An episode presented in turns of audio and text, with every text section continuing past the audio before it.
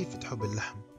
مقلي أم مشوي؟ بتحب الستيك medium ولا well done؟ تقريبا يوميا بيتم ذبح حوالي 200 مليون حيوان حول العالم لنستخدمهم كمصدر أساسي للحوم هالعدد الضخم هاد ترى دوبه يلبي حاجة الناس وخصوصا أنه عدد البشر من المتوقع أنه يوصل لعشر مليارات بحلول عام 2050 وبالتالي كمية اللحم الواجب إنتاجها لحتى نطعمي هالعشر مليارات رح توصل للضعف مشان هيك العلماء ومراكز الأبحاث بلشوا من عشرات السنين بالبحث عن بديل للحم يكون له نفس القوام ونفس الطعم ولكن أغلب التجارب كانت تبوء بالفشل.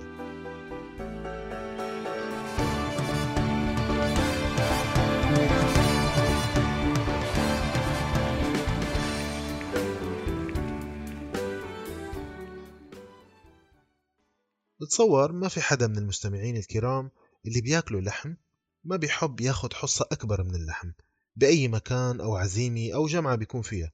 وهالشي ترى طبيعي وفطرة لأنه كما هو معروف أنه الإنسان البدائي اللي بنسميه كمان هانتر جاذرر كان لازم يجهز أداة الصيد ويطلع بمجموعات ليصيد حيوانات ويتقاسم الصيد اللي بيجيبه مع باقي أفراد المجتمع الصغير اللي عايش فيه.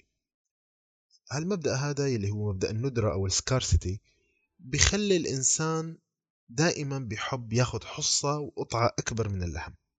واستمر الوضع هيك لحوالي عشرة آلاف سنة. وقتها بلش الإنسان يزرع الحبوب ويستأنس الحيوانات ويربيها. وبلش موضوع الاستئناس بتهجين الجاموس البري لحتى يصير بقر والطيور البرية لحتى تصير دجاج. والحقيقة أنه ال domestication هاد أو الاستئناس تبع الحيوانات وزراعة الخضروات والفواكه غير وجه العالم للأبد.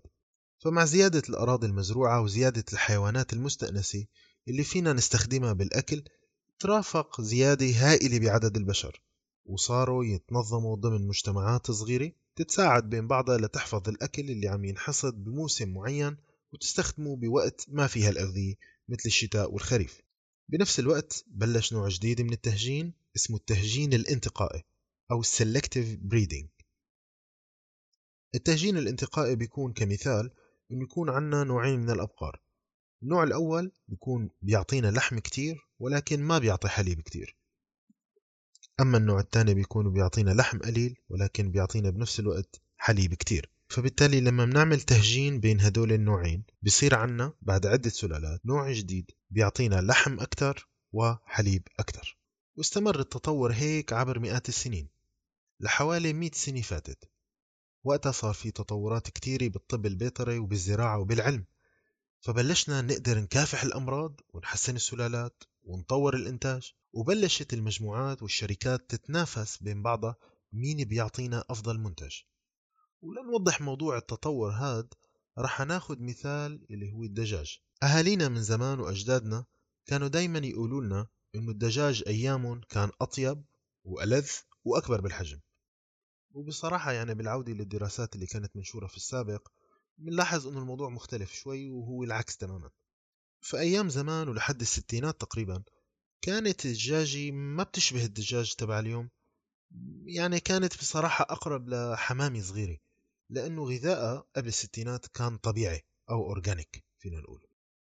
أما بعد الستينات فبلش موضوع مختلف تماما وبلشت شركات الأعلاف تصنع أعلاف غنية بالمغذيات.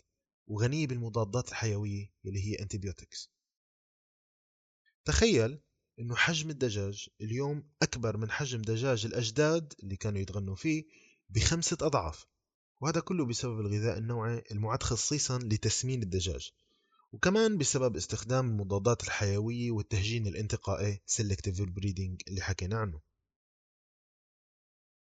ولك أن تتخيل عزيزي المستمع أن الدجاج الذي تتناوله اليوم هو دجاج تم ذبحه بعمر بين الستة والثمان أسابيع. ليش؟ لأنه رح يصير صعب على الدجاجة أن تمشي بعد هالعمر. يعني رجليها ما عادوا يقدروا يحملوها. بسبب نوعية الغذاء اللي عم تاكله بالإضافة طبعا للمضادات الحيوية. فبتلاقي الدجاج عم يقل المرض تبعه وعم يسمن وينعلف ويكبر أكتر وأكتر.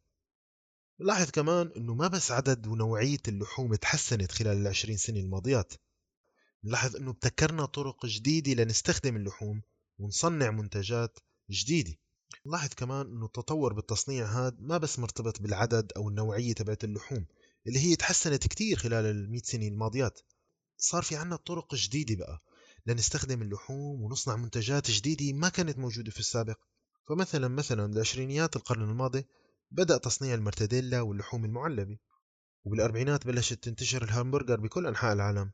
وهي كانت تطلع كمخلفات من المسالخ والمذابح. أما بالثمانينات بلش تصنيع التشيكن ناجت اللي كلياتنا بنحبها وبنعرفها وهذا كان كمان من مخلفات المصانع وهكذا.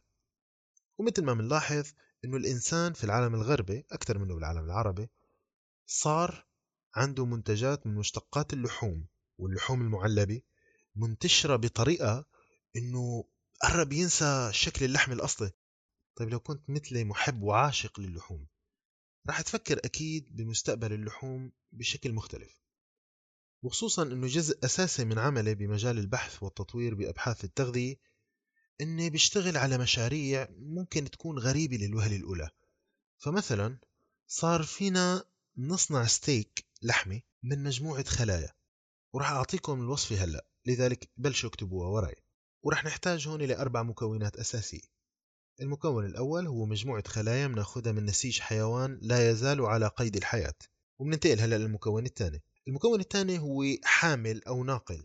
مهمته أنه تلزق عليه الخلايا اللي أخذناها لحتى نعمل محاكاة أو سيميليشن لبناء الخلية العضلية. المكون الثالث هو عبارة عن سائل مغذي لهالخلايا.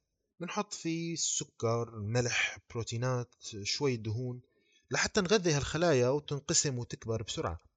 والمكون الأخير هو عبارة عن مفاعل حيوي بنسميه بايو رياكتر وهو طريقة لننقل المغذيات لجوا الخلايا اللي عم تكبر شوي شوي وتنقسم وكمان نتخلص من الفضلات اللي عم تتولد. بنحط كل هالمكونات مع بعض وبنوفر الشروط المناسبة مثل الحرارة والأكسجين والرطوبة وبعد عشرة أسابيع بيكون طلع معنا أطيب ستيك مصنوع من خلايا بالمخبر. لحد هاللحظة الكلام جميل والمستقبل مشرق. بيبقى عنا ثلاث مشاكل صغار. الأولى هي الطعم اللي لحد هاللحظة بعيد شوي عن طعم اللحم اللي ممكن ناخده من الحيوانات.